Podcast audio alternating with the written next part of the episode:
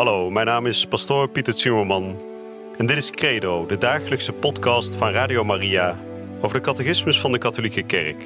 Samen dringen we elke dag een beetje dieper door in het prachtige plan van liefde dat God met elk van ons heeft. Laat je inspireren en ga met ons mee op deze avontuurlijke reis door het geloof.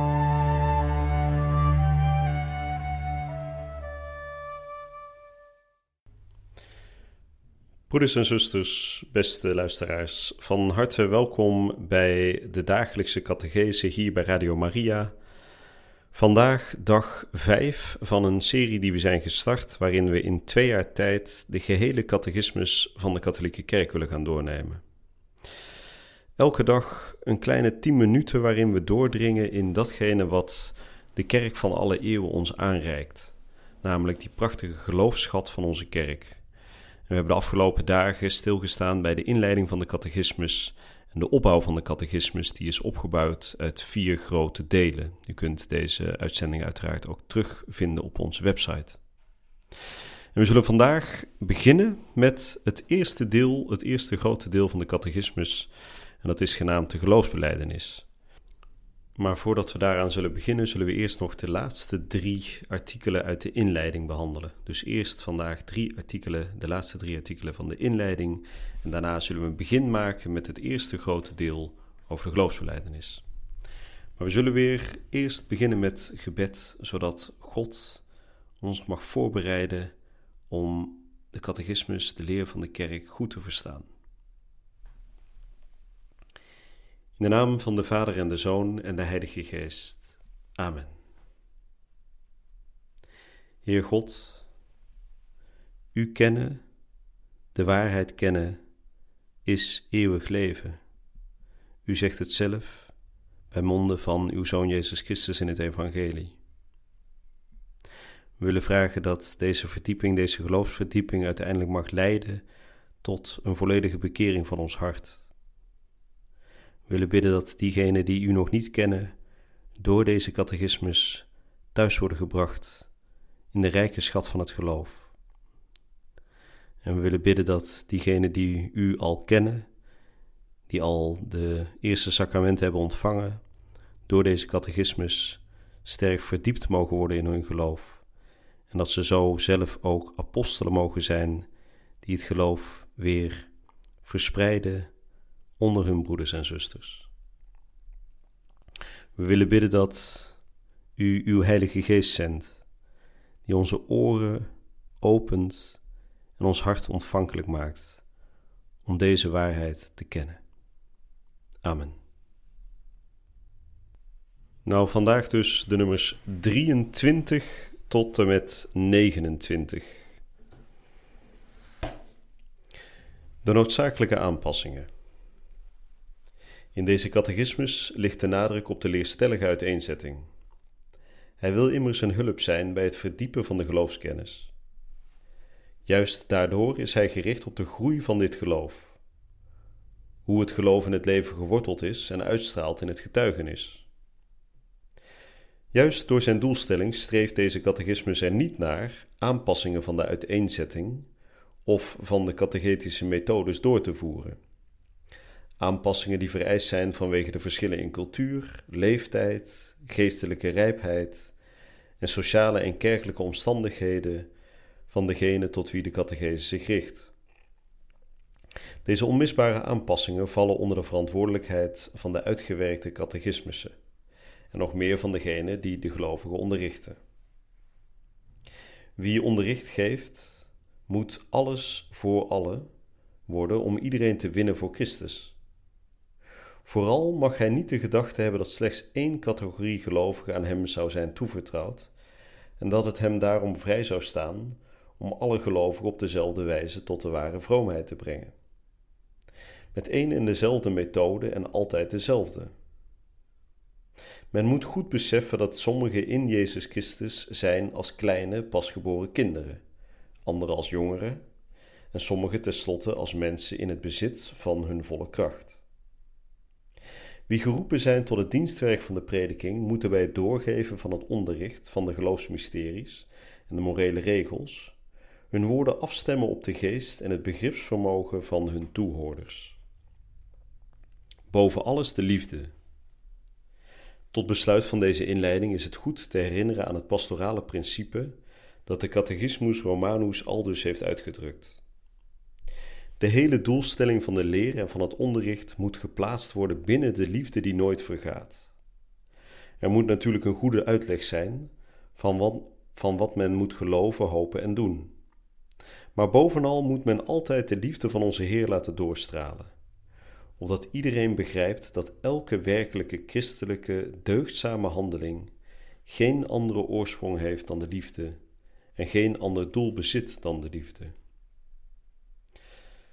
Even kort samengevat tussendoor. Hier spreekt dus de catechismus in het laatste stukje van de inleiding erover dat deze catechismus niet bedoeld is als een soort um, middel dat overal op dezelfde manier gebruikt moet worden.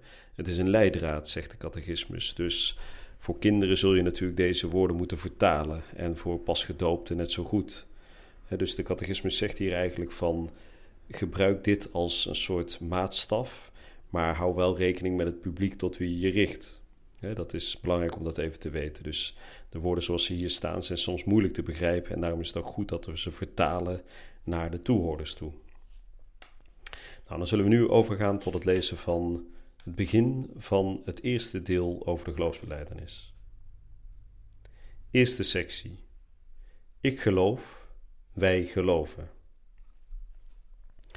Wanneer we ons geloof beleiden, beginnen wij met ik geloof of wij geloven. Vooraleer wij het geloof van de kerk uiteenzetten, zoals wij dat in het credo beleiden, in de liturgie vieren en in de toepassing van de tien geboden en in het gebed beleven, willen we ons afvragen wat geloven betekent. Het geloof is het antwoord van de mens aan God die zich aan hem openbaart en geeft. Bij dit antwoord verlicht hij de mens, op zoek naar de uiteindelijke zin van het leven overvloedig. Daarom richten wij eerst onze aandacht op het zoeken van de mens in hoofdstuk 1, vervolgens op de goddelijke openbaring, waardoor God de mens tegemoet komt in hoofdstuk 2, en tenslotte op het antwoord van het geloof in hoofdstuk 3. Eerste hoofdstuk, genaamd De mens is bekwaam door God aangesproken te worden. 1.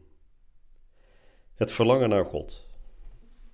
Het verlangen naar God is gegrift in het hart van de mens, want de mens is door en voor God geschapen. God houdt niet op de mens naar zich toe te trekken, en de mens zal slechts in God de waarheid en het geluk vinden, die hij zonder ophouden zoekt.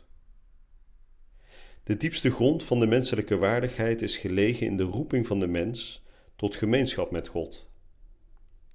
Reeds vanaf zijn geboorte wordt de mens uitgenodigd tot een dialoog met God. Immers, hij bestaat alleen doordat hij door God uit liefde is geschapen en door hem altijd uit liefde in stand wordt gehouden. Hij leeft niet volledig volgens de waarheid als hij die liefde niet vrijwillig erkent en zich niet aan zijn schepper toevertrouwt. In hun geschiedenis en tot op de dag van vandaag hebben de mensen op velerlei wijze uitdrukking gegeven aan hun zoeken naar God, zowel in manier van geloven en godsdienstig gedrag.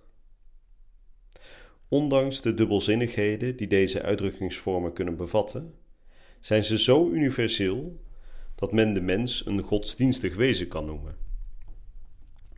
Heel het mensengeslacht deed hij uit één ontstaan om de gehele oppervlakte van de aarde te bewonen, waarbij hij de seizoenen vaststelde en de grenzen van hun woongebied, opdat zij God zouden zoeken, of zij hem misschien al tastende zouden vinden. Hij immers is niet ver van ieder van ons, want door hem hebben wij het leven, het bewegen en het zijn. Maar deze innige en vitale verbondenheid met God kan door de mens vergeten, miskend of zelfs uitdrukkelijk afgewezen worden. De oorsprong van een dergelijke houding kan heel verschillend zijn.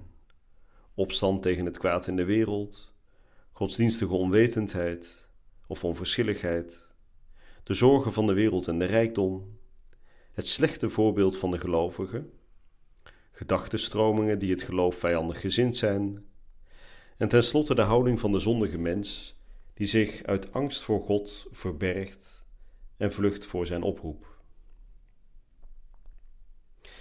Nou, dat was al een hele mond vol, de eerste paar artikelen van het eerste hoofdstuk. Dus zoals gezegd nog een klein stukje van de inleiding net besproken en daarna duiken we meteen de diepte in.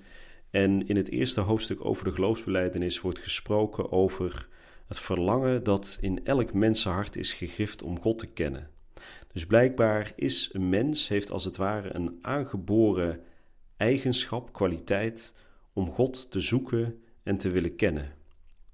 Maar, zegt de catechismus ook, deze verbondenheid, dit natuurlijke zoeken naar God, kan verloren gaan. Dan worden er heel wat uh, voorbeelden genoemd waarom dat kan ontstaan. Dat was net het laatste artikeltje. Bijvoorbeeld het slechte voorbeeld van gelovigen. Of um, de opstand tegen het kwaad. Hè. Dat hoor je tegenwoordig ook vaak. Als er zoveel lijden is in de wereld en zoveel kwaad is in de wereld, hoe kan er dan een God zijn? Hè, dat is een reden om dus niet te geloven, om niet je hart tot God te wenden godsdienstige onwetendheid of onverschilligheid. Hè? Ik, heb, ik heb het goed, ik heb een mooi uh, gezin, ik heb een mooi huis. Ik heb God helemaal niet nodig. Hè? Dat hoor je ook tegenwoordig wel vaker. Of de zorgen van de wereld en de rijkdom. Hè? Ik wil wel in God geloven, maar ik heb het zo druk. Ik ben zo uh, druk met mijn werk. Of ik heb zoveel uh, rijkdom dat ik er helemaal niet aan toe kom om God, in God te geloven. Dus er wordt gesproken in het begin van de catechismus over het natuurlijke verlangen naar God dat in elk mensenhart is gelegd, maar ook de gevaren, de dreigingen die er zijn, waarop waardoor de mens niet op dat natuurlijke verlangen ingaat. Zoals al gezegd, soms is de, de tekst van de catechismus een beetje droog en ik probeer het telkens tot de kern samen te vatten, zodat u datgene meeneemt van de artikelen wat echt belangrijk is om te laten landen, hè? Om, om echt te onthouden, om mee te nemen. Nou, dit was de catechese voor vandaag en ik hoop u bij de volgende uitzending weer hier te ontmoeten bij Radio Maria. Je luisterde naar Credo, de dagelijkse podcast van Radio Maria over de catechismus van de Katholieke Kerk. Credo is iedere werkdag te beluisteren op Radio Maria. Maar je kunt de afleveringen ook in je eigen tempo terugluisteren op onze website, in de app of op Spotify en de andere platforms. Via de website radiomaria.nl vind je dagelijks de link om de bijbehorende teksten uit de catechismus mee of terug te lezen. We zijn erg dankbaar voor alle giften die wij mogen ontvangen. Daardoor kunnen we ons goede werk blijven doen. Draag je ook bij aan deze missie?